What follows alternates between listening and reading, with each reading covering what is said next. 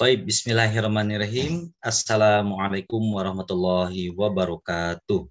Alhamdulillahirabbil alamin. Alhamdulillahillazi anzala saqina fi qulubina liyazdadu ma'a imanihim. Asyhadu an la ilaha illallah wa asyhadu anna Muhammadan abduhu wa rasuluhu la nabiyya ba'da. Raditu billahi robba bil islami dina wa bi Muhammadin nabiyya wa rasulah. Puji dan syukur kita panjatkan kepada Allah Azza wa Jalla yang maha mengatur seluruh kehidupan, yang maha memberikan rezeki, yang maha memberikan ketetapan hati untuk senantiasa bertakarub kepadanya, untuk menegakkan syariatnya, untuk menjalankan sunnah-sunnah nabinya.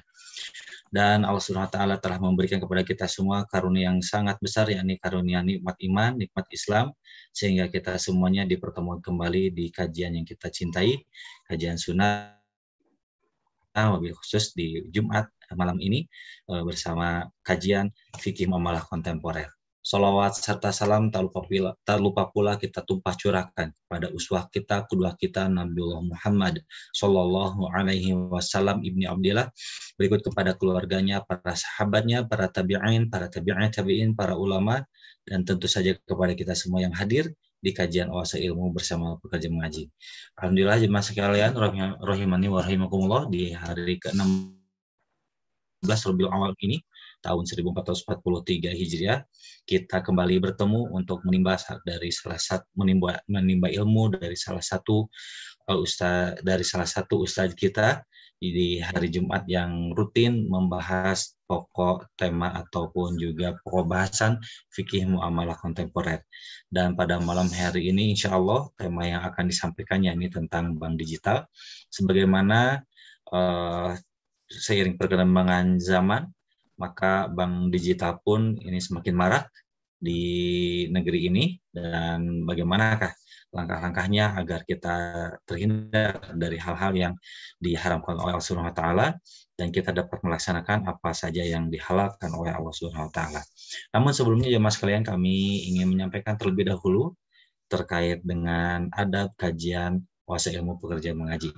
Jemaah sekalian, yang ada yang pertama, marilah kita jadikan kajian online ini sebagai sarana tolong ini, kemudian meneruskan niat kita, meluruskan niat tulus, niat yang ikhlas, niat karena Allah semata, karena Allah Subhanahu wa taala semata, kemudian marilah kita jadikan kajian ini sebagai sarana tolobul ilmi, mengikut, mengikat ilmu ini dengan tulisan-tulisan kita, senantiasa berakhlak mulia, sesuai syariah, menjaga adab, dan menjaga aurat. Berikutnya ada yang kedua, jemaah sekalian, kami eh, mohon kepada jemaah yang turut hadir di kajian online ini, mohon untuk menggunakan nama asli, tidak menggunakan nama komunitas atau nama perusahaan, dan lain sebagainya. Berikutnya, setelah join mohon untuk mengecek kembali agar uh, mikrofonnya senantiasa dalam kondisi off atau non aktif. Kemudian juga untuk jamaah akhwat mohon untuk tidak mengaktifkan fitur kamera pada Zoom meeting ini. Berikutnya di ada yang ketiga bagi jamaah yang ingin bertanya kami akan memberikan kesempatan nanti di sesi dua untuk bertanya dan untuk bertanya dapat dilakukan melalui raise hand atau bertanya secara interaktif langsung jamaah dengan Ustazuna uh, Erwandi Tarmizi ataupun juga dapat melalui pertanyaan disampaikan melalui chat ke nomor WA panitia pekerja mengaji dengan format nama pagar kemudian juga alamat asal kota domisili, pagar, pertanyaan. Dan dikirimkan pertanyaan tersebut ke 081222723457. Jemaah sekalian, bagi yang ingin bertanya, mohon untuk memberikan pertanyaan dengan jelas, sesuai dengan fakta yang ada, detail, dan pertanyaan ini dikhususkan untuk pertanyaan pribadi, tidak untuk dipergunakan untuk kepentingan-kepentingan usaha jamaah. Bagi yang mempunyai usaha dan ingin berkonsultasi tentang usahanya, mohon untuk tidak disampaikan di forum ini, melainkan kami sarankan untuk bertemu atau berkonsultasi langsung ke kantor ETA atau Erwandi Tarmizi Associates sebagai kantor resmi konsultan ekonomi syariah. Demikian jemaah sekalian untuk informasi yang sementara dapat kami sampaikan. Insya Allah untuk beberapa untuk uh, kesempatan pada malam hari ini, sebab ada kajian akan ada presentasi presentasi program dari BMT Asyidik dengan aplikasi Asyidiknya. Bagi jemaah yang belum mengenali aplikasi uh, keuangan syariah dari yang di yang dirilis oleh BMT Asyidik, silahkan simak keunggulan-keunggulan apa saja yang akan didapat dari aplikasi Asyidik tersebut. Aplikasi Asyidik ini akan tidak hanya uh, menjadi kalkulator syariah, namun juga membuka peluang usaha online seperti itu dan lain sebagainya. Untuk informasi lebih lengkap, kita ikuti saja nanti bak ada kajian. Alhamdulillah Ustazuna Herwandi Tarmizi baru saja bergabung join di Zoom meeting ini. Kita nantikan. Assalamualaikum Ustaz. Masih di mute Ustaz mikrofonnya? Nah. Baik. Assalamualaikum Ustaz. Sehat? Alhamdulillah. Baik Ustaz. Alhamdulillah tepat pukul 20 waktu Indonesia Barat. Jika sudah siap, untuk itu kami akan persilahkan kepada Ustaz Dr. Erwandi, Hafizahullah Ta'ala, untuk memulai kajian ini dengan tema e, Bank Digital. Demikian. Tafadol ya Ustazi, Barakallahu Fikum. Assalamualaikum warahmatullahi wabarakatuh. Wa nusalli wa nusallim wa nubarik ala nabiyina Muhammadin wa alihi wa sahbihi ajma'in wa ba'du. Ikhwani wa akhwati fillah, pembahasan kita dalam pertemuan ini adalah bank digital. Terdiri dari dua kata, bank dan kemudian kedua digital. Bank konotasinya adalah bank konvensional karena itu memang yang pertama didirikan dan dibuat oleh manusia dan negara-negara pada saat sekarang sampai saat sekarang ini. Adapun kalau yang syariah harus ada tambahan syariahnya, yaitu bank syariah. Ya, berarti itu kalau dikatakan bank berarti konvensional. Kalau mau syariah harus ditambahkan dengan bank syariah. Ya. Maka disedangkan digital itu bermakna menggunakan teknologi teknik teknologi informatika di mana semua transaksinya mulai dari pembukaan rekening, penyetoran dana, penarikan dana, kemudian penyaluran dana semuanya menggunakan platform digital, tidak lagi face to face tidak lagi bertatap muka tetapi melalui online. Maka konsekuensinya dia tidak punya kantor pusat dan tidak punya kantor cabang. Berarti akan memangkas karyawan. Berarti bisa diperkirakan banyak pengangguran baru. Tapi Alhamdulillah mereka pengangguran dari mantan bank kalau mereka bertobat kepada Allah Semoga Allah menerima tobat mereka. Ya. Maka yang kita bahas adalah tinjauan dari fikih muamalahnya atau tinjauan syariatnya. Sesuatu yang hukum asalnya haram. Digital itu hanya sekedar wasilah atau perantara. Maka bila perbuatan yang haram, baik offline kemudian digitalkan, hukumnya pun tetap haram. Wanita melihat wanita yang membuka aurat. Baik Anda lihat dengan secara offline ya, mungkin Anda keluar dari rumah sudah akan Anda lihat wanita-wanita yang tidak menutup aurat. Itu jelas suatu dosa.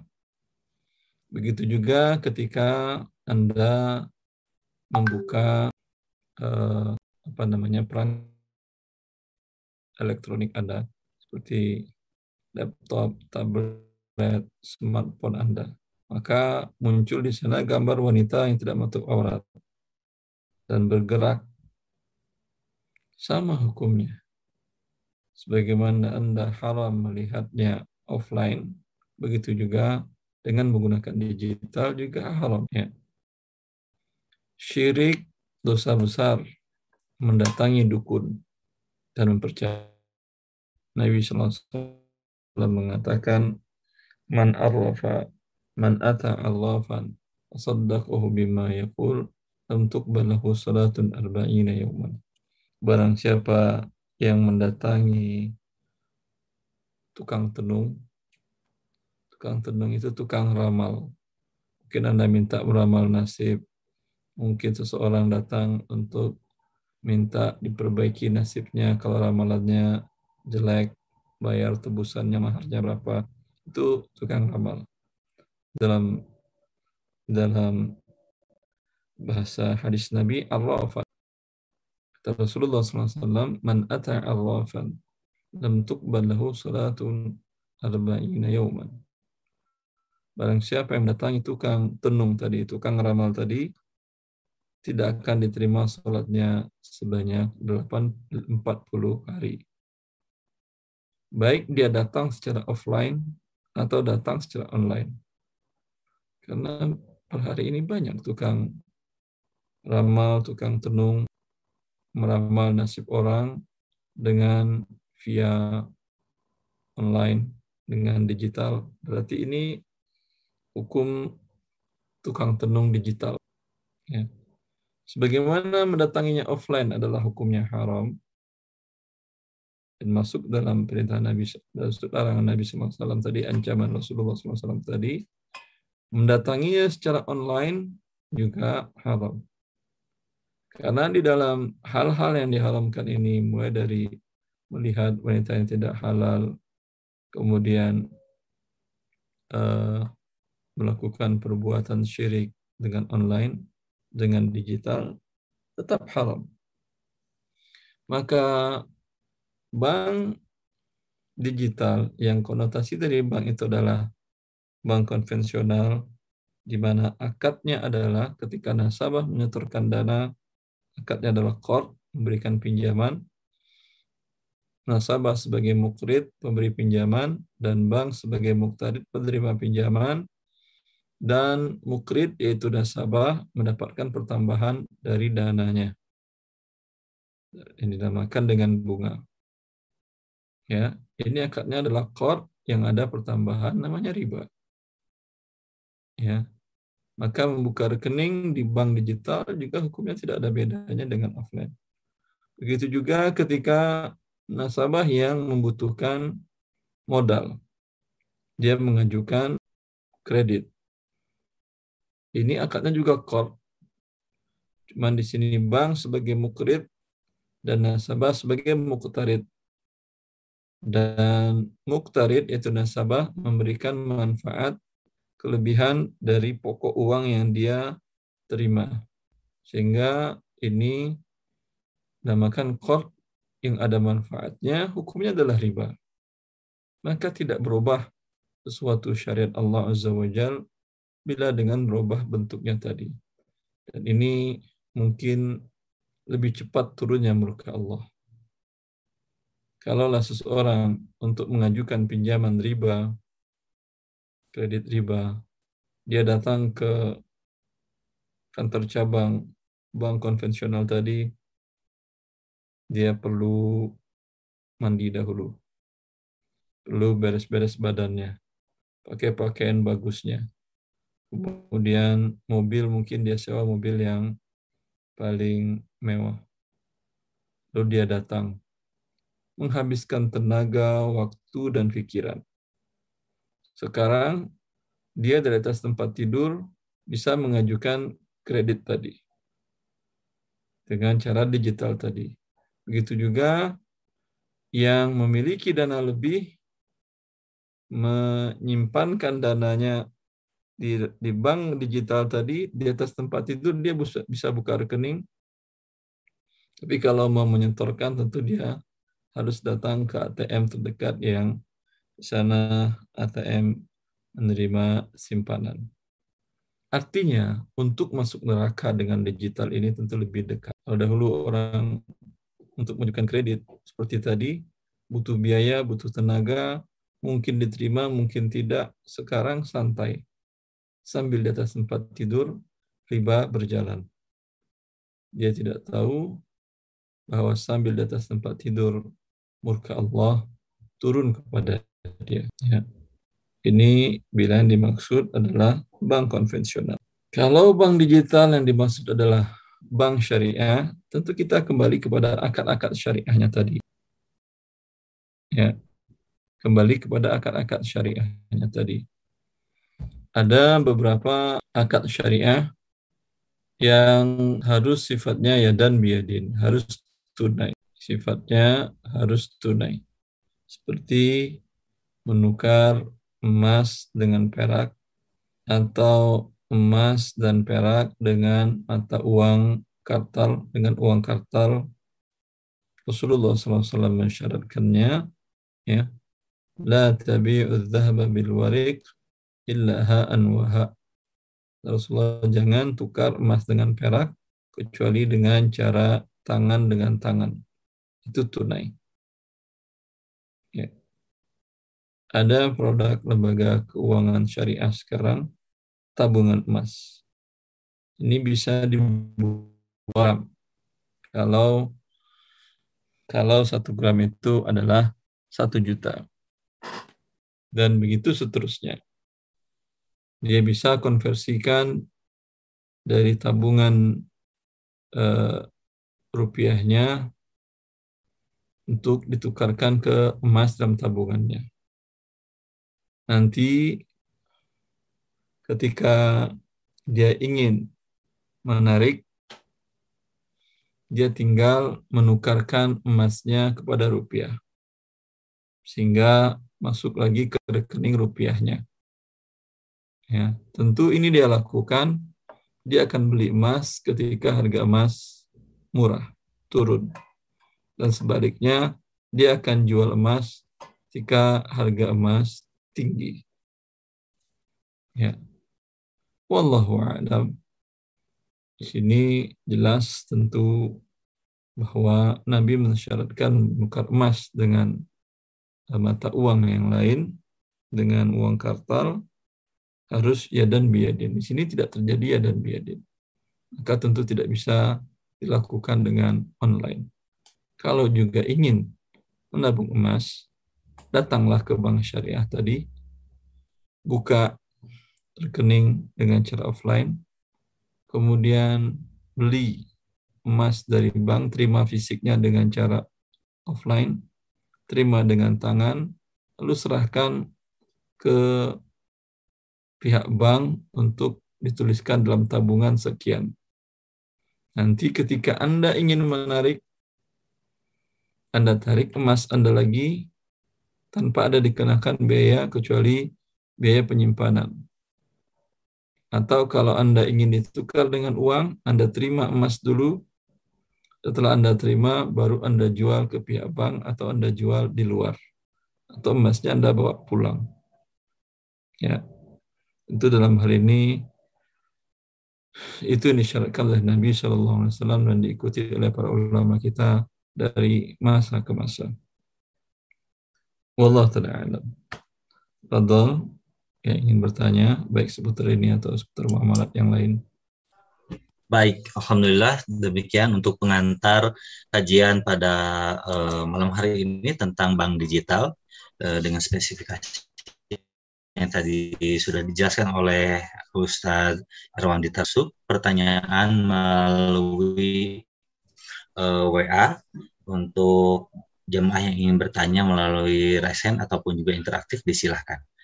Dan pertanyaan pertama dari WA, Bismillahirrahmanirrahim. Assalamualaikum warahmatullahi wabarakatuh. Uh, mohon bimbingannya ya Ustadz, apa hukumnya meminjam uang ke bank syariah untuk menutupi hutang-hutang agar kami bisa menyicil ke satu sumber saja. Jujur saja ya Ustadz, kami bingung dengan menumpuknya hutang kami ke beberapa teman dan saudara. Dan bulan ini sudah banyak yang jatuh temponya untuk dibayarkan. Jika hal ini tidak diperbolehkan dalam kurung, maksudnya berhutang ke bank syariah, apakah ada solusi lainnya ya Ustaz? Kalau mengajukan ke Basnas atau e, lembaga zakat, mereka akan membayarkan hutang apabila kita tidak punya penghasilan. Sedangkan suami saya masih punya penghasilan, tapi tidak mencukupi untuk membayar hutang-hutang tersebut. Demikian, semoga Allah memberikan petunjuk melalui Ustadz. Mohon solusi dan bimbingannya ya Ustaz. Syukron wa jazakumullahu khairan. Semoga Allah Subhanahu wa taala melindungi Ustaz dan tim pekerja mengaji. Amin ya rabbal Baik. Yang wallahu a'lam saya tidak terlalu terlalu tahu bagaimana rinci kehidupan si penanya. Akan tetapi kasus seperti ini banyak. Dan ini tentu banyak latar belakangnya. Yang penanya saya tidak tahu seperti apa latar belakangnya. Terkadang sebagian muslimin terlalu mudah-mudah untuk berhutang. Sedikit kebutuhan dan tidak ada kemampuan langsung berhutang. Baik dengan meminjam uang atau minjam emas atau membeli dengan tidak tunai. Terkadang kebutuhan itu tidak sampai pada derajat sangat butuh. Bila tidak terpenuhi akan susah hidupnya. Seperti umpamanya dia sebetulnya kehidupannya bisa jalan-jalan aja, tidak akan terlalu berat kalau tidak punya kendaraan roda dua, roda empat. Karena umpamanya tinggalnya jalan 10 meter, jalan 20 meter ke depan, ada ojek, ada angkot, berarti kebutuhannya untuk kendaraan roda dua dan roda empat tidak terlalu penting. Ya. Dan dia memaksakan diri kemampuan dari pendapatan suami tidak mampu, pendapatan istri juga tidak tidak ada tambah-tambahan. Kemudian mereka beli dengan cara tidak tunai. Dan terkadang mereka tidak mengindahkan yang halal dan yang haram. Ini mohon maaf saya tidak bercerita tentang penanya ya. Tapi saya menjelaskan secara gambaran umum bagaimana seorang muslim menghadapi hal tersebut. Bagaimana cara solusi berhutang, yaitu solusi berhutang jangan berhutang. Kalau Anda tidak berhutang, tentu tidak akan perlu Anda solusi hutang tadi. Ya. Maka cara hidup yang seperti ini tidak dianjurkan oleh syariat Islam. Rasulullah SAW tidak mudah-mudah beliau berhutang. Beliau berhutang untuk memenuhi kebutuhan pokok, yaitu membeli makanan pokok. Dan pun yang syarat yang kedua beliau berhutang selain memiliki kebutuhan pokok, makanan pokok, beliau memiliki aset untuk menutup hutang itu bila terjadi sesuatu. Diriwayatkan oleh Aisyah radhiyallahu anha yang dikeluarkan oleh Bukhari dan Muslim bahwa Aisyah radhiyallahu anha umur mukminin berkata, "Ishtara Rasulullah sallallahu alaihi wasallam ta'aman li ahlihi wa rahanahu dir'ahu." Rasulullah Shallallahu Alaihi Wasallam membeli gandum kebutuhan pokok, makanan pokok untuk istri-istrinya dan beliau gadaikan baju besinya. Ada yang digadaikan. Maka Anda lihatlah kebutuhan Anda tadi. Bila kebutuhan itu adalah pokok seperti makanan pokok, ya, dan Anda memiliki aset di rumah, apa aja? Perabot-perabot gadaikan. Gadaikan kepada pembelian tadi sebagai jaminan. Atau kalau bisa anda jual jual untuk beli makanan pokok tadi ya. Sehingga anda tidak perlu berhutang sana hutang sini. Karena memang hutang seperti dikatakan oleh Nabi SAW hamun bil laili wa ghammun min nahar. Di malam hari anda gelisah siang hari anda ketakutan takut bertemu dengan orang menagih hutangnya. Walaupun dia bukan debt collector. Walaupun dia tidak akan menagih. Pun kadang tidak nanya. Tapi Anda bertemu dengan dia sudah ketakutan. Ini suatu hal yang membuat Anda rugi dalam hidup, merasa takut hidup itu subhanallah. Bertemu dengan orang merasa takut, penyebabnya apa? Adalah bermudah-mudah dalam berhutang tadi. Ya. Maka andai untuk memenuhi kebutuhan yang sifatnya pokok, seperti beli makanan pokok, atau bayar kontrakan. Ya. Walaupun suami dapat ada gaji bulanan tapi tidak cukupi. Ya. Dalam kasus ini jangan juga berhutang. Lalu ke mana? Seperti yang tadi Anda katakan, datanglah ke Basnas. Lembaga amil zakat yang lain. Di Basnas terlalu repot urusannya, cari yang lain. Kan banyak lembaga amil zakat negara kita. Baik yang skala besar, skala kecil, skala menengah, ajukan. Di sana ada hak Anda, itu bukan uang mereka. Itu yang dikatakan oleh Allah fi amwalihim haqqum ma'lum lis-sa'ili wal mahrum. Di tangan harta-harta mereka orang-orang yang wajib zakat itu ada hak milik para fakir miskin, bukan milik mereka lagi. Lalu diambil atau diserahkan kepada amil, dia hanya sebagai perantara bukan juga milik dia. Dia wajib menyerahkan kepada pemiliknya. Dia hanya amanah, memegang amanah bila ketemu pemilik sebenarnya, wajib dia serahkan. Anda juga mengambil hak Anda, bukan minta-minta. Tidak ada yang perlu dimalukan. Tidak perlu merasa malu karena mengambil hak, bukan minta-minta. Sama dengan Anda menagih gaji Anda, itu bukan minta-minta namanya. Ya. Maka memang suami ada gaji, tapi untuk sekolah anak, untuk kontrakan, untuk makan kurang. Berapa kurangnya? Pamannya kurang sebulannya itu setengah juta.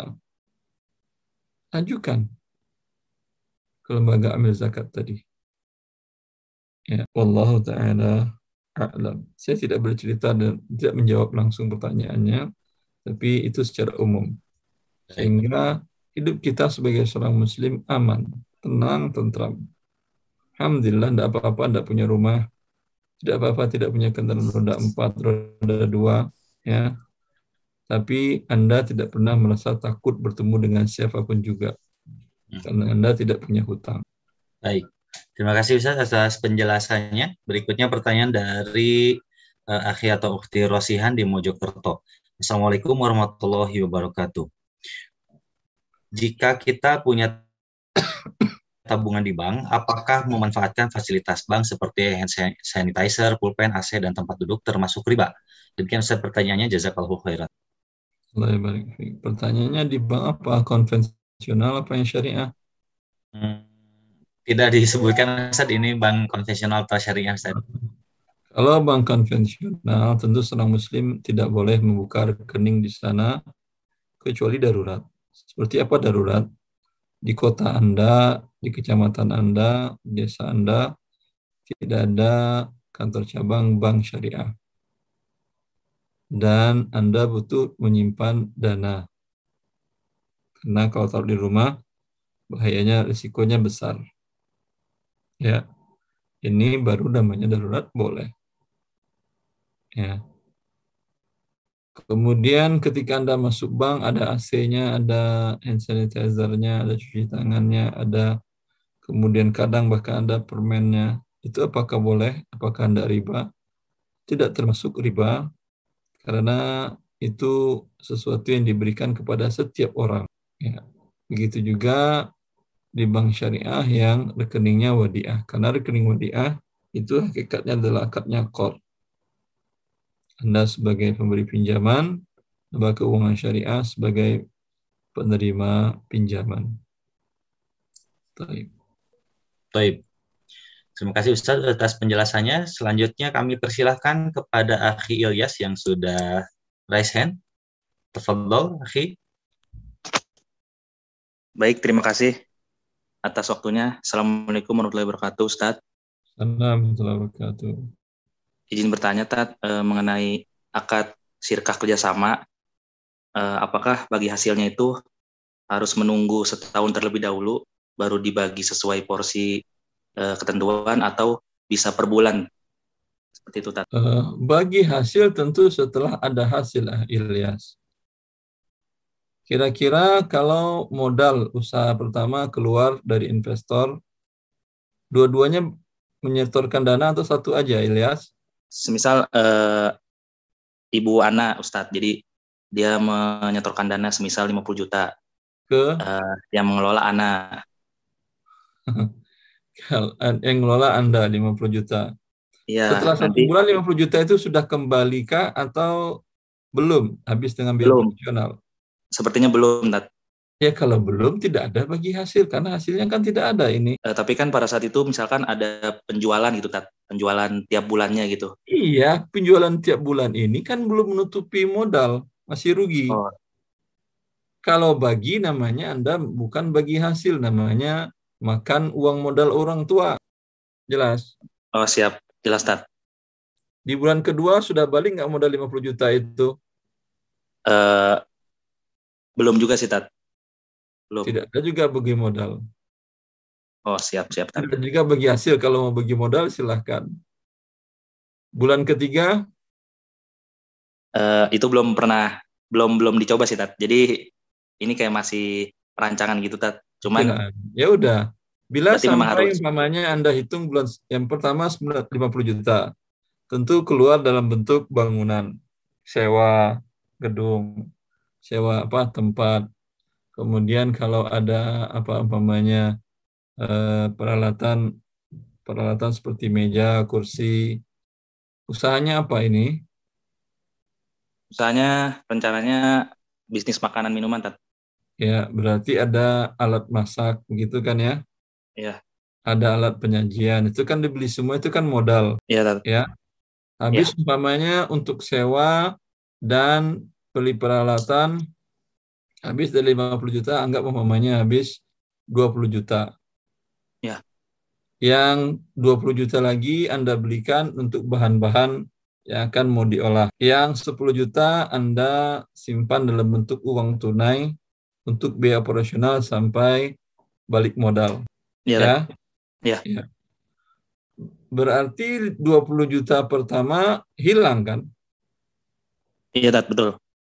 Walaupun bulan pertama untung 5 juta, belum kembali modal 20, baru kembali 5.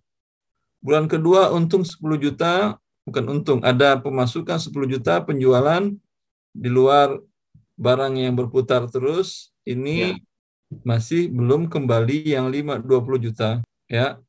Ya. Di bulan ketiga ada penjualan lagi umpamanya 3 juta, ini mungkin sudah kembali modal 20 juta kok 3 juta baru 18 Ustaz? Iya, ini kan barang peralatan kan nggak hilang. Kontrak umpamanya setahun, ini masih tiga bulan. Berarti masih ada 9 bulan lagi, begitu kan ya? Iya. Itu Anda hitung berapa nilainya kontrak 9 bulan ke depan. Kemudian Anda hitung juga penyusutan barang-barang tadi. Biasanya per bulan berapa penyusutan nilai harganya. Jelas? Iya, iya, Tat. Anda gabungkan, anggai cukup 200, Alhamdulillah di bulan ketiga berarti sudah modal kembali. Di bulan keempat, Alhamdulillah modal berputar 20 eh, barang bertambah. Banyak nilai sekarang sudah 40 ya kemudian ada lagi uang tunai. Ini Anda tambahkan berarti ada uang tunai 20 ya berarti 20 ya. tambah 20 40 juta keuntungannya Ya.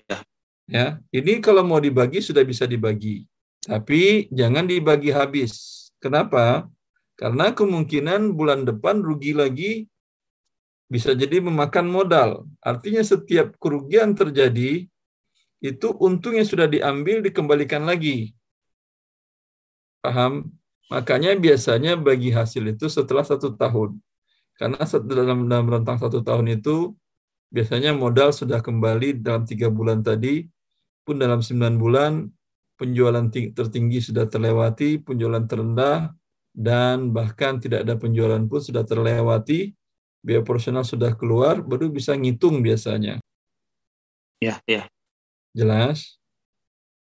Tadi kalau yang semisal eh, sebelum setahun ternyata udah menutupi modal, terus kita bagi hasil, ternyata bulan depan rugi itu nanti ngembaliin lagi tat maksudnya? Ya iyalah. Tidak ada bagi hasil bila modal belum kembali. Terus sekarang mamanya tadi hitungannya kan pas-pas ditinggalin.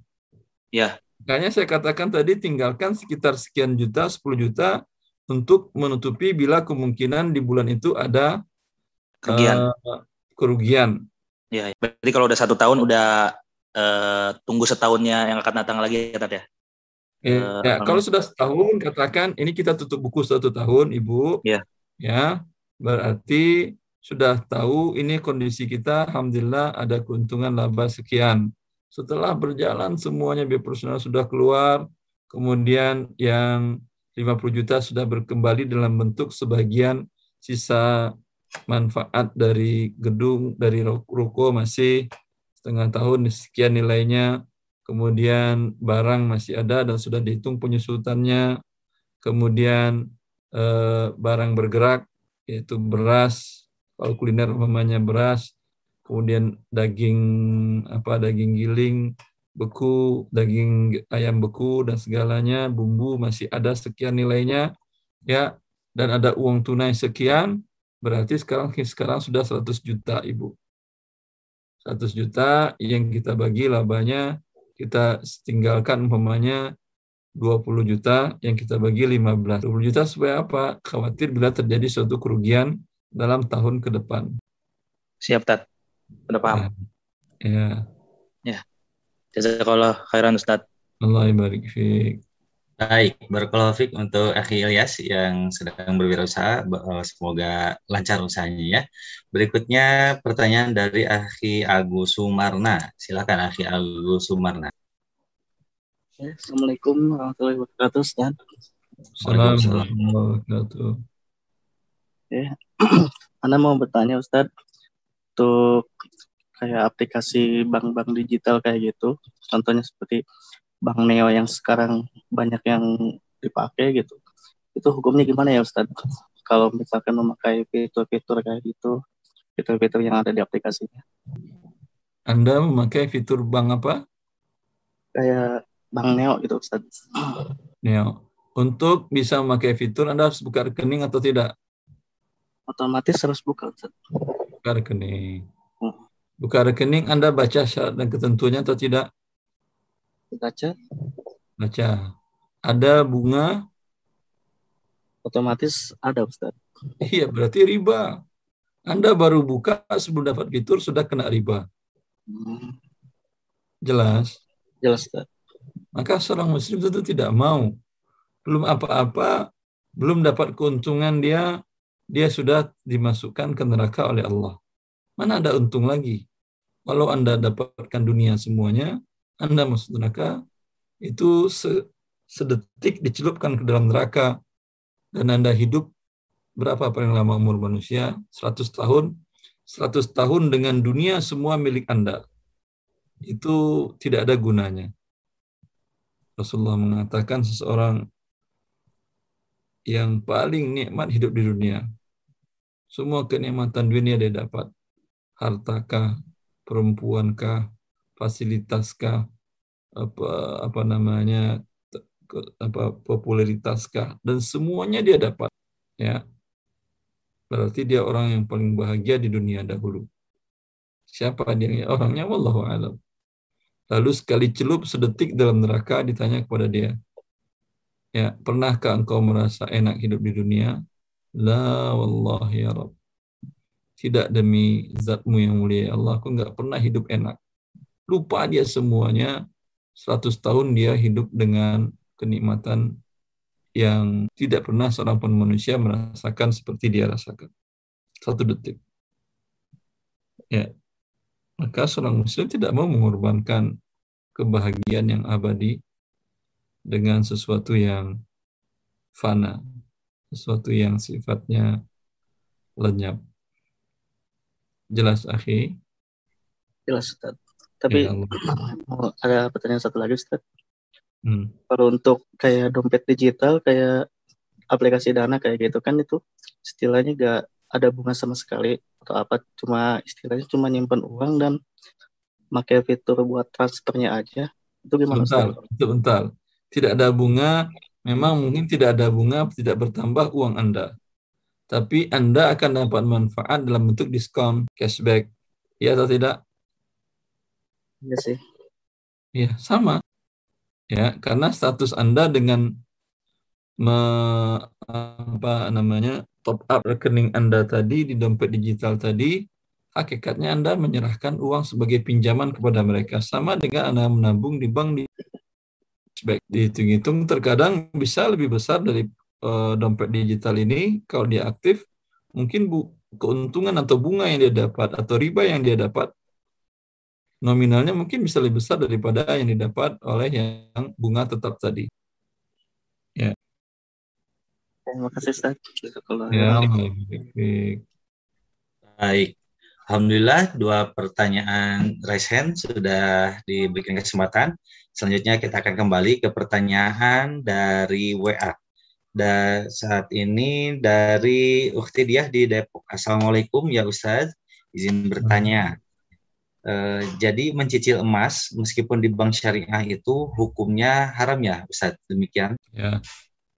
Pertanyaannya bagus. Jadi mencicil emas di bank syariah hukumnya haram ya ini tinggal menanya butuh konfirmasi jawabannya iya kalau ingin pertanyaan rinci jawaban rincinya ya bahwasanya di dalam uh, kitab Ma'air Syariah itu merupakan standar produk lembaga keuangan syariah dunia. Sayangnya bank-bank syariah Indonesia tidak mengacu ke standar tersebut mereka bikin standar lokal yang dibuat oleh Dewan Syariah Nasional. Dan Dewan Syariah Nasional membolehkan menjual beli emas dengan cara tidak tunai atau dengan mencicil. Sedangkan standar internasional tadi yang dibuat oleh seluruh ulama fikih muamalat sedunia, di sana ada pernyataan di pasal mi'yar tentang murabaha wala yajuzu la yajuzu ijra'ul murabahatil muajjalati ala dhahabi wal fiddati wal umlat. Tidak boleh melakukan transaksi murabahah dengan cara tidak tunai, itu dengan cara mencicil pada objek emas, perak, dan mata uang atau valuta asing ya. Karena Nabi melarang, Rasulullah mensyaratkan menukar emas dengan perak adalah harus tunai. Dan Emas dan perak di masa Rasulullah adalah sebagai alat tukar atau sebagai uang. Dan hukum uang kartal, uang sekarang rupiah, dolar, ringgit, dan lain-lain, real, itu disamakan dengan emas dan perak. Ya, tentu otomatis sebagaimana tidak boleh menukar emas dan perak dengan tidak tunai, maka menukar rupiah dengan emas, beli emas dengan rupiah tentu tidak boleh juga dengan cara mencicil atau dengan cara tidak tunai. Wallahu a'lam. Iya. Baik, terima kasih Ustaz untuk penjelasannya demikian jawaban dari Ustaz Ibrandi untuk atas pertanyaan dari Ukti Diah di Depok. Selanjutnya pertanyaan masih pertanyaan Allah Taala selalu berada. Amin ya rabbal alamin. Emas menyicil di tukang emas misalnya dengan membeli via transfer per gram per bulan. Lalu misalnya sudah e, mencapai 10 gram, 10 graman, Anda baru ambil fisiknya. Mohon nasihatnya ya Ustadz jika transaksinya seperti demikian. Jazakumullahu khairan, barakallahu fikum. Ini juga tidak boleh. Anda transfer, kemudian Anda katakan saya cicil satu gram ya, tidak boleh. Anda datang kepada dia, serahkan uang satu juta, terima satu gram.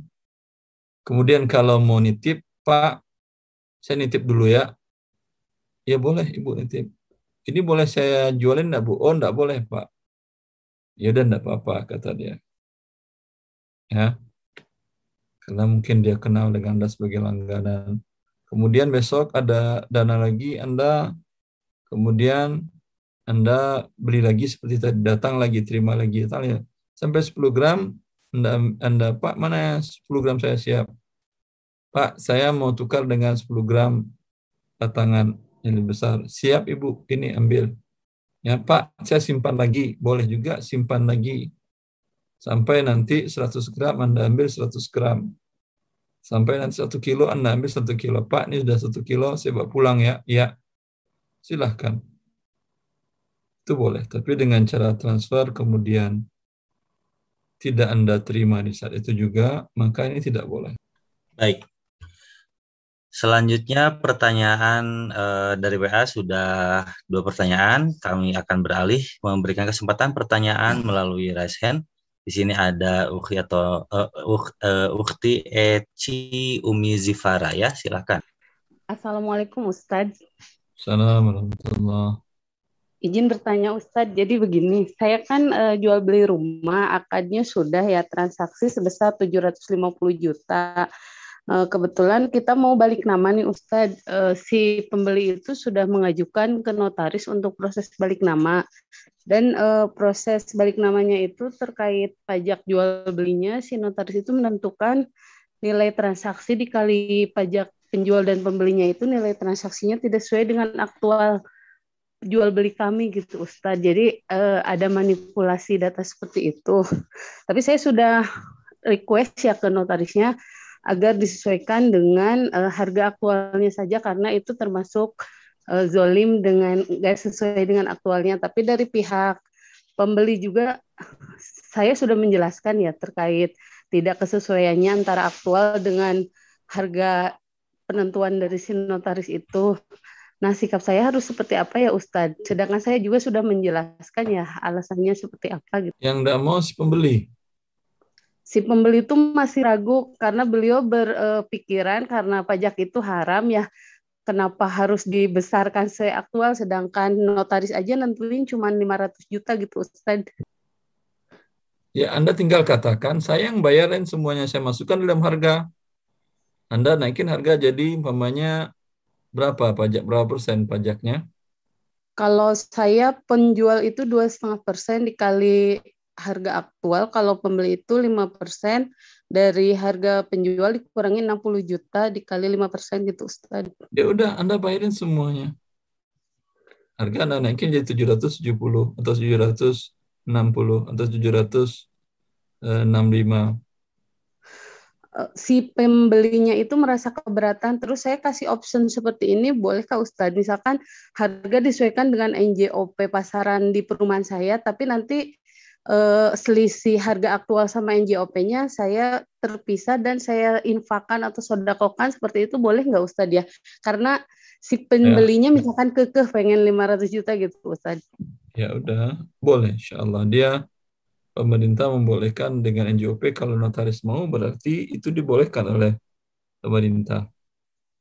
Oh, jadi uh, kalau skemanya nanti sesuai NJOP perumahan 500 juta, tapi kan ada selisih ke 750 juta, tapi saya mau menghitung sendiri sisanya saya infakkan itu boleh ya Ustadz? Boleh, tidak pun Anda infakkan pun tidak berdosa Anda. Oh. Karena itu ya, bayar pajak bukan kewajiban sebagai muslim.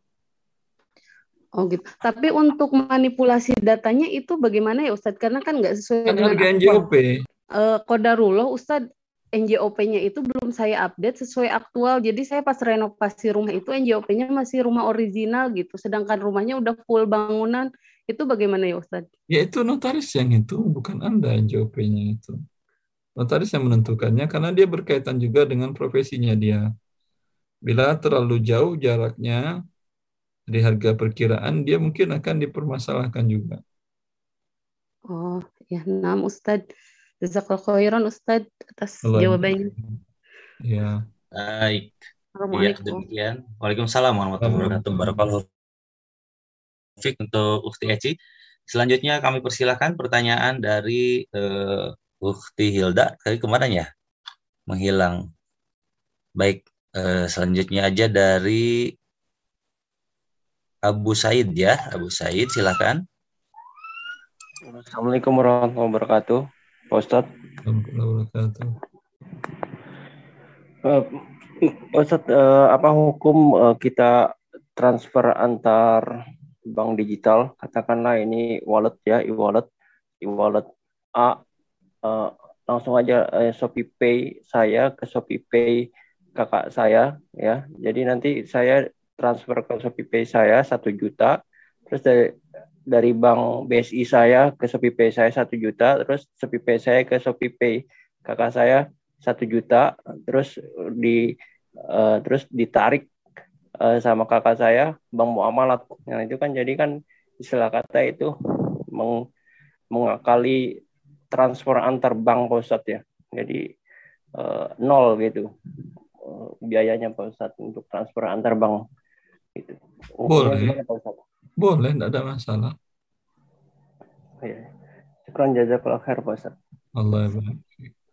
Baik. Tadi ada sempat uh, hilang, uh, menghilang. Ukti Hilda, disilakan kami berikan kesempatan. Bismillah. Assalamualaikum warahmatullahi wabarakatuh. Assalamualaikum warahmatullahi wabarakatuh.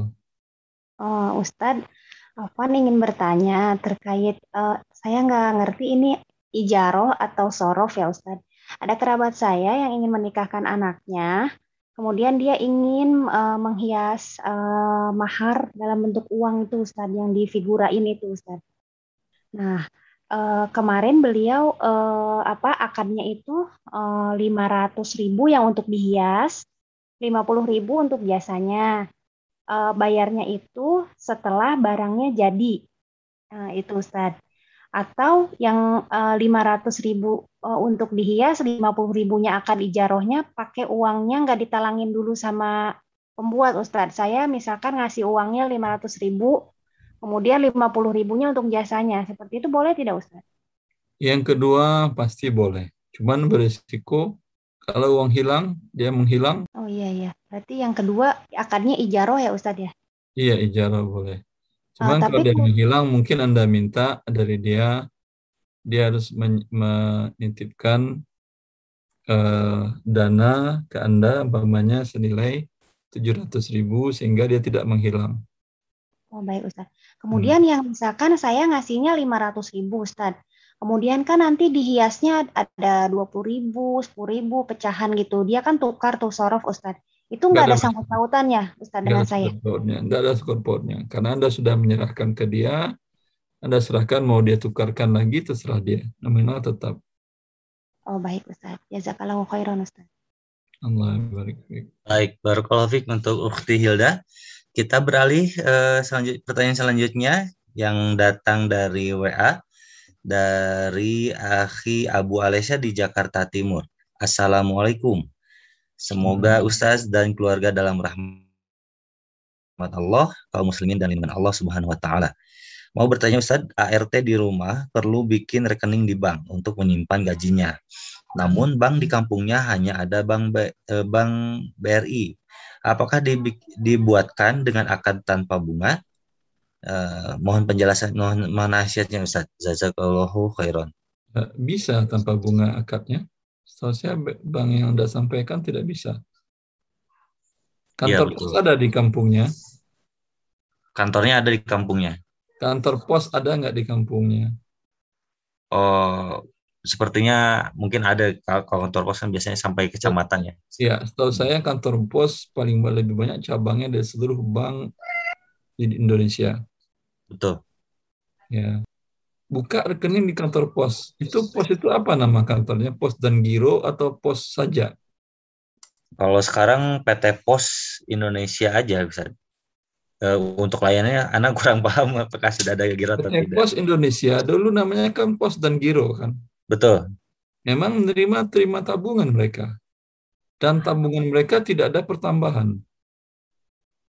Ya. Bahwa Allah beberapa tahun yang lalu, memang udah agak lama mungkin lima atau enam tahun yang lalu, saya diundang ke kantor pos pusat Indonesia di Bandung, kantor pos pusatnya di Bandung, untuk memberikan tentang permasalahan riba, dan mereka menjelaskan produk tabungan produk giro mereka ya kalau di bank kan gironya ada bunganya. Gironya di pos itu tidak ada pertambahan Pak Ustadz dan bisa ambil di mana pun juga. Cuman masalahnya dia nggak punya ATM itu aja.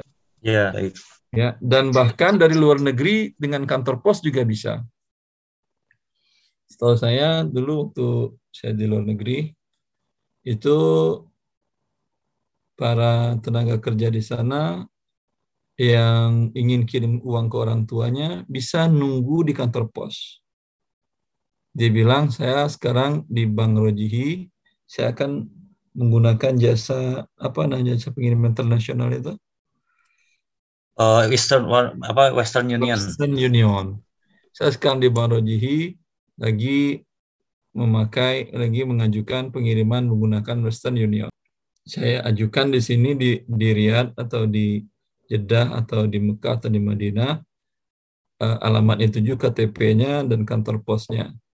Itu setelah dia masukkan di Western Union itu, dia minta nomornya, ya, dia WA-kan ke keluarganya, apakah suaminya, orang tuanya, di kampung mana pun di, di kantor pos. Itu di saat yang sama bisa tarik di kantor pos. Kira-kira Bang ada yang bisa begitu? Tidak ada, Ustaz. Rasanya kalau Bang. Saya nggak tahu. Tidak ada yang direct kan. Saya nggak tahu, tapi itu bisa tunggu hmm.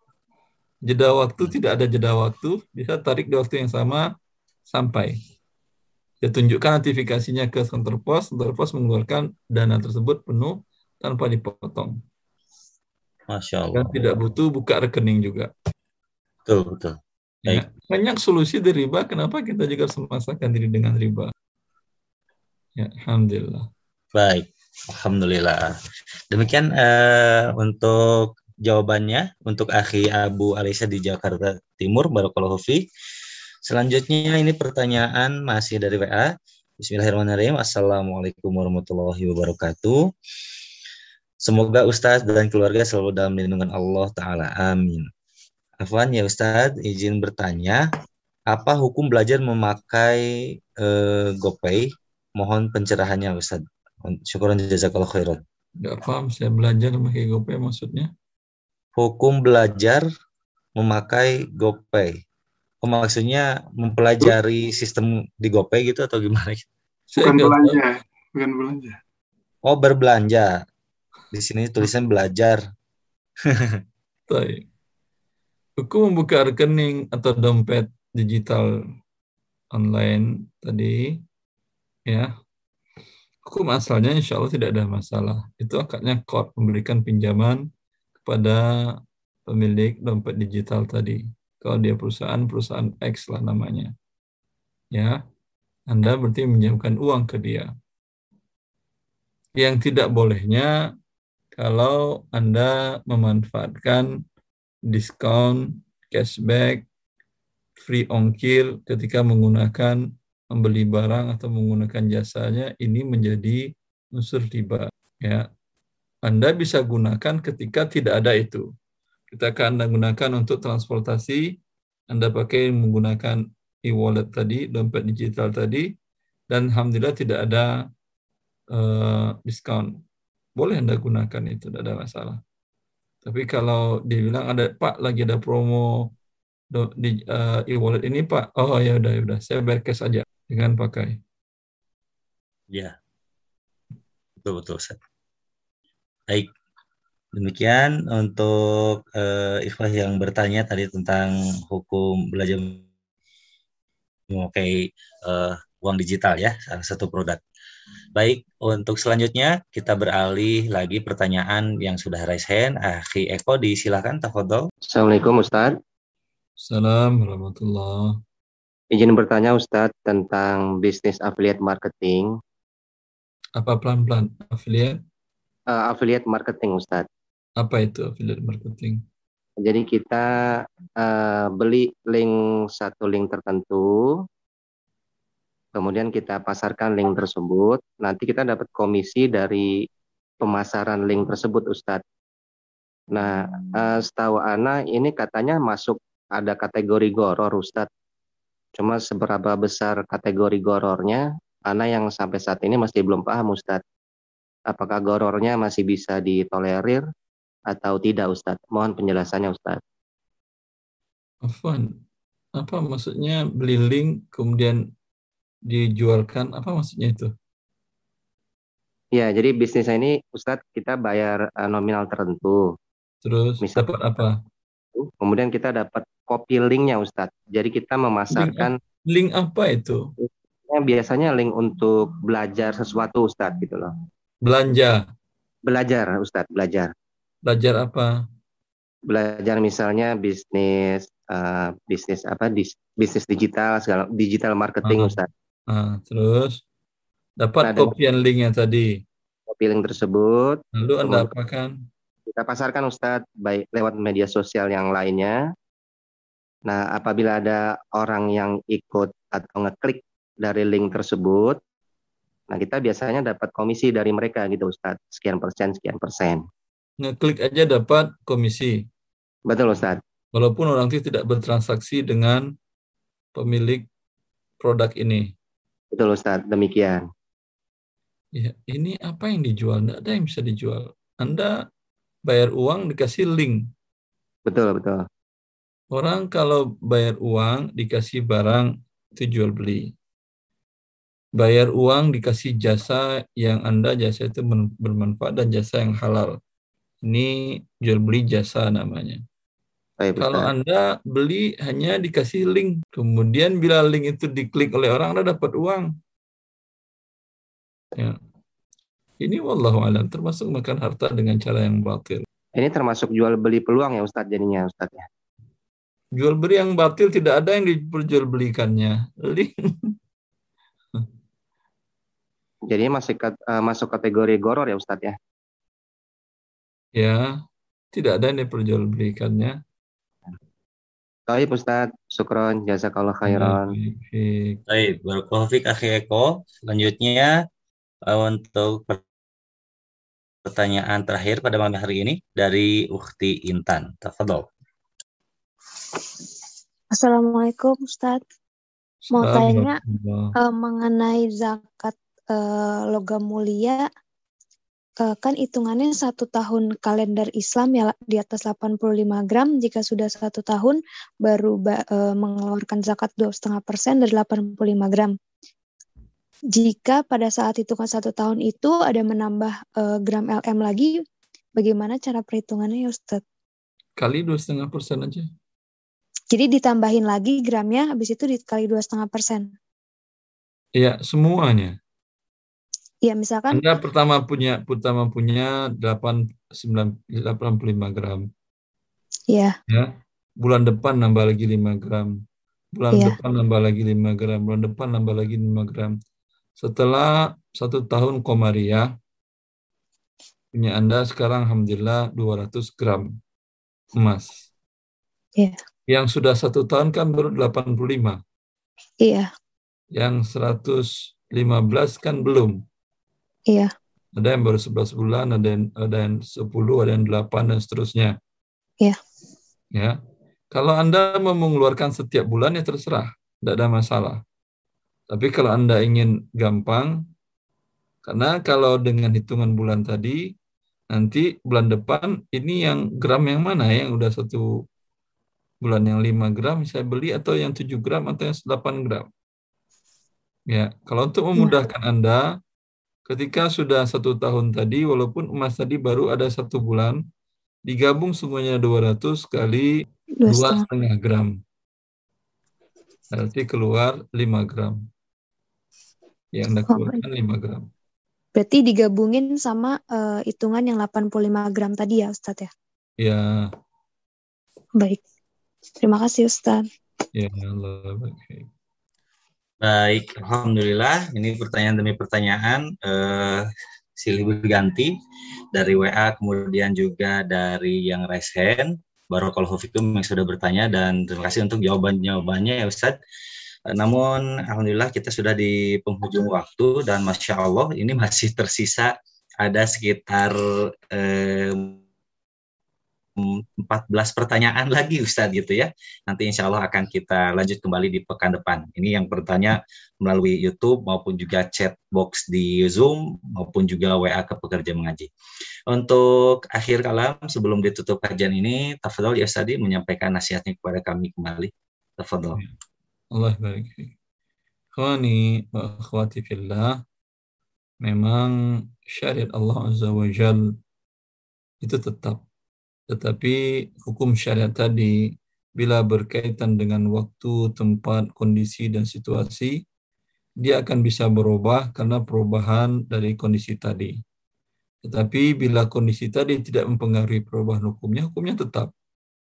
Dalam pembahasan kita tadi, bila suatu perbuatan riba tidak akan menjadi halal dia bila dilakukan dengan cara digital atau teknologi yang terbaru.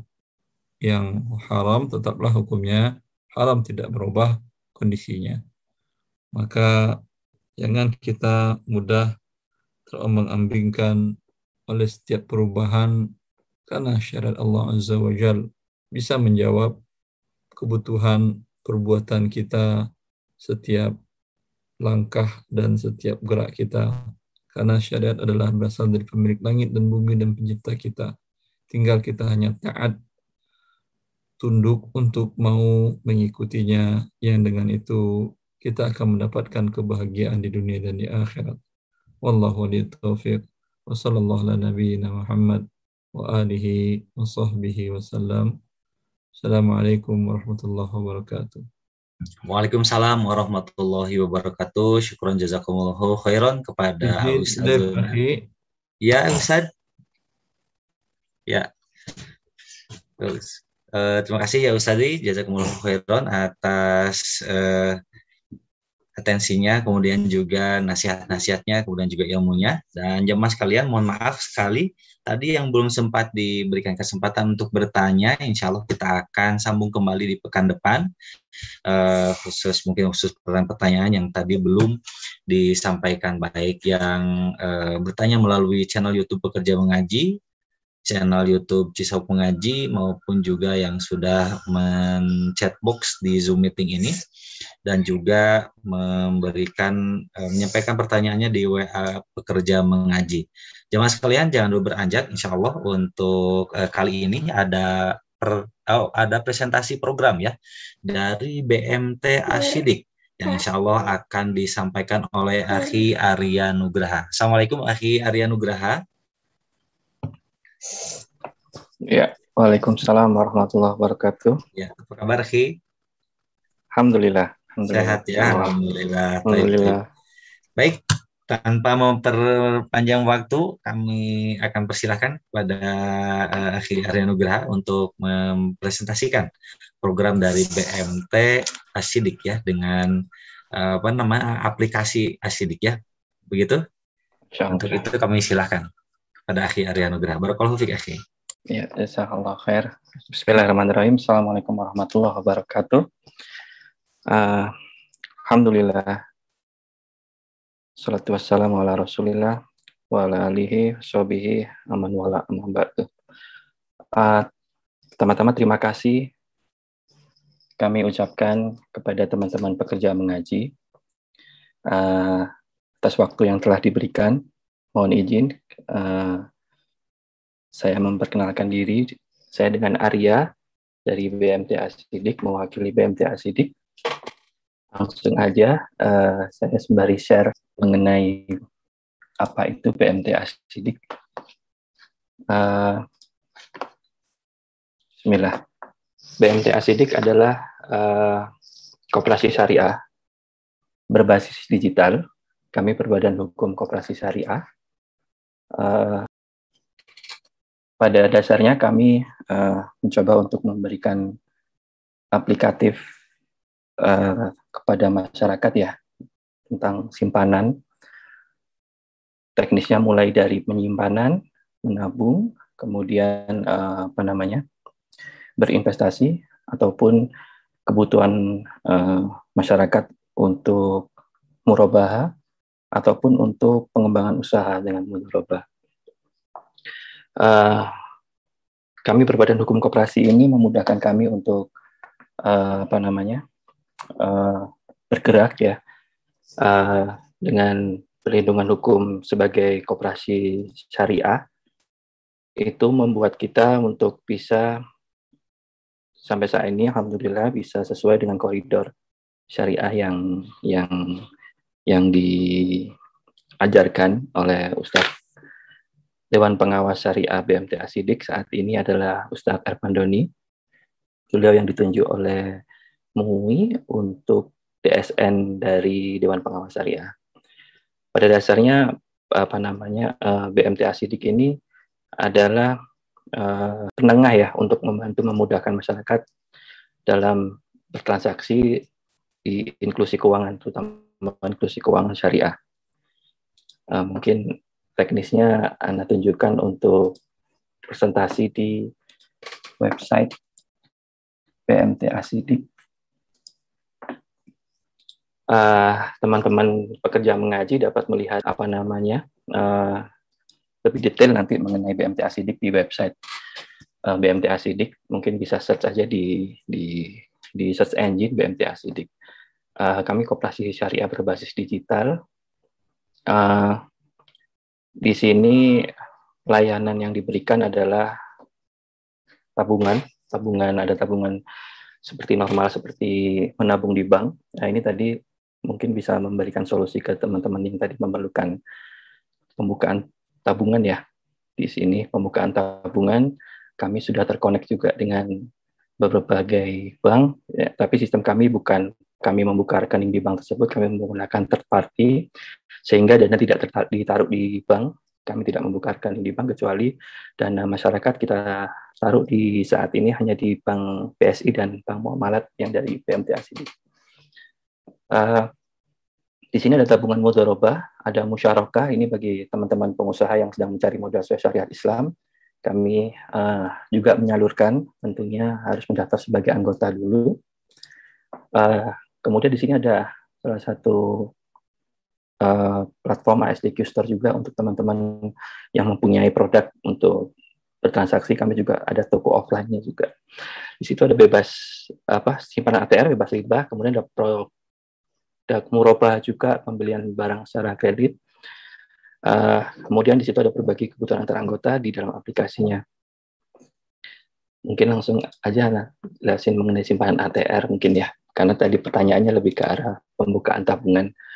Jadi memang di sini didesain untuk membantu masyarakat uh, menyimpan ya, menyimpan uh, koneksi dari berbagai bank juga sudah kami jalin, tetapi kembali lagi bahwa ini bukan berarti kami membuka rekening di bank tersebut, kami tidak ada rekening terbuka di bank-bank konvensional, hanya menggunakan fasilitas uh, connecting host to host.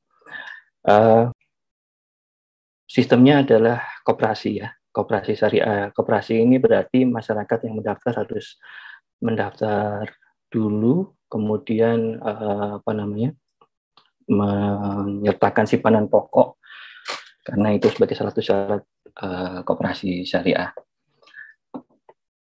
teman eh, teman-teman di pekerja mengaji juga apabila memerlukan kerjasama uh, syirkah juga bisa. Nanti uh, tinggal masuk ke menu pengajuan. Nanti ada di menu ada pengajuan mengenai musyarakah. Di situ ada beberapa form yang harus diisi. Uh, insya Allah jika Allah mudahkan nanti kita akan sirka tentunya dengan syarat-syarat yang kita miliki. Di kami syaratnya sebenarnya untuk sirka itu uh, uh, data omset akan kita infokan kepada anggota pemilik usaha dan itu live ada admin khusus untuk mengupdate usaha harian ya apabila itu berupa toko ataupun usaha apa. Jadi jadi apa namanya investasi itu memiliki usahanya terasa terasa terasa mengenai progres usahanya naik turunnya. Neraca keuangan kita update setiap bulan, kita minta dari pengelolanya untuk update setiap bulan. Uh, uh, nanti juga dari setiap anggota investor diharapkan atau anggota pemilik diharapkan untuk aktif dalam membantu usahanya dalam menyebarkan informasi ataupun mengetahui kendala yang dialami oleh usahanya apa. Mungkin sekilas itu itu saja. Uh, saya buka tanya jawab, tanya jawab aja, Pak. Baik, baik, masya Allah ya. Uh, jadi tadi bisa di search di Google ya BMT Asidik. Kemudian juga berbagai fiturnya dapat dipelajari uh, nanti. Jadi dari jamaah yang ingin bertanya disilahkan boleh raise hand langsung saja yang ingin bertanya secara lebih jauh lagi tentang BMT Asidik, berikut juga di situ ada aplikasi. Toib Akhi Abu Said ya, silahkan. Assalamualaikum warahmatullahi wabarakatuh. Waalaikumsalam warahmatullahi wabarakatuh. Ya, uh, Pak, ini tadi yang uh, produk yang simpan simpanan ya itu ya tadi ya. Ya. Kita kan daftar ya, daftar ke terus kita store duit gitu kan pak ya iya uh, saya store misal satu juta ya betul terus uh, gimana caranya saya mau tarik besok besok saya mau tarik uh, uh, uang tersebut pak ya di aplikasi anggota itu ada menu penarikan Pak, seperti kayak kalau di bank aplikasi ada menu penarikan. Nanti di situ ada tinggal diketik jumlah nomor rekening yang dituju, kemudian dikirim. Oh, jadi saya kira Bapak punya ATM gitu enggak Pak ya? Oh iya, kalau ATM memang kami tidak ada. Memang kendalanya di situ memang kami bukan bank, kami tidak memiliki ATM dan dan memang nanti uh, anggota kalau mau narik memang harus memiliki apa ya memiliki rekening di bank lain di bank ya yang di bank karena kan kami bukan bank. Nah terus kalau misalkan uh, di transfer ke bank gitu ya terus ada charge-nya gak pak? Misalkan saya mau transfer ke bank BSI dari account saya lima ratus ribu, nah bapak lima ratus ribu juga gitu atau ya, berapa? Saat ini free pak, biaya admin semua kami free biaya yang tidak ada biaya admin. Termasuk uh, transfer dari antar rekening juga selama ada data di, data aplikasi terdapat nomor rekeningnya maka free insya Allah. Kecuali ada satu yang ada biayanya itu dari BSI kalau karena kami dari BSI itu ada pihak ketiga koneksi host-hostnya itu dari namanya Maja. Beliau apa uh, uh, perusahaan ini mengambil fee 3000 per hit per transaksi. Jadi uh, uh, di PMTA Sidik di dalam PSI tercatat sebagai institusi dalam menu bayar di situ, maka uh, mereka apa uh, mencas ke ke anggota nanti 3000 per transaksi. Hanya itu aja, yang lain free, Pak. Jadi nggak ada ada biaya admin juga Pak ya per bulannya Pak ya? Per bulan tidak. Itu aja sih Pak. Jadi uh, ya mirip-mirip lah Pak kayak yang ada saat ini di perbankan gitu ya atau di aplikasi-aplikasi yang iya, gratis transfer gitu mirip-mirip sih Pak. Iya. Cuma saya mesti pelajarin dulu biar supaya saya tahu detail Baik. aplikasi ini Pak. Makasih Baik. Pak. Ya, Assalamualaikum warahmatullahi wabarakatuh. Waalaikumsalam warahmatullahi wabarakatuh. Baik, Waalaikumsalam warahmatullahi wabarakatuh. Alhamdulillah eh, di sini ada yang titip pertanyaan melalui chatbox, tapi kurang lebih sama pertanyaannya dengan Abu Said ya. Untuk simpanan transfer ke bank lain, apakah dikenakan biaya transfer? Tadi sudah dijawab ya oleh uh, Pak Arya. Berikutnya pertanyaan dari jemaah yang lain, silahkan. Apabila yang ada yang masih kurang dipahami atau kurang dimengerti, silakan boleh tanya langsung melalui chatbox Zoom meeting ataupun juga ke WA kerja mengaji Baik, di sini ada pertanyaan dari Dini Umu. Uh, Bismillah, cara daftarnya bagaimana Pak? Nah, begitu pertanyaannya Pak Arya. Ya, baik. Uh, pendaftaran semua uh, online, via online, jadi masuk ke aja ke BMT Asidik di asidik.id.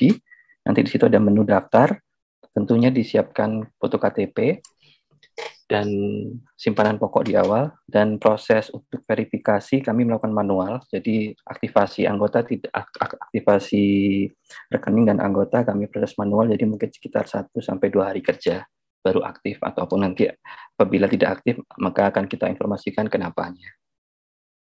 Gitu. baik. Baik selanjutnya mungkin dari jemaah yang lain yang masih ingin bertanya boleh bertanya langsung dengan mengklik tombol raise hand ataupun juga bertanya melalui chat box di Zoom meeting ini ataupun juga melalui WA pekerja mengaji. Tafadol, disilahkan. Baik. Uh, rupanya sudah cukup mungkin yang bertanyanya Pak Arya. Mungkin ada uh, oh ada lagi nih. Sebentar. Apakah ada aplikasinya Pak atau aksesnya web saja? Misalkan ya. di Play Store gitu maksudnya? Ada Pak. Jadi kita ada di Play Store sama di App Store. Jadi kita ada versi Android sama versi yang Apple ya. Apple ya. Ya. Baik. Baik. Dan untuk akses web browsernya juga ada. Jadi ada koneksi apabila ternyata ada kendala di HP, maka bisa via online saja akses login via browser. Oh, bisa uh, login via browser ya?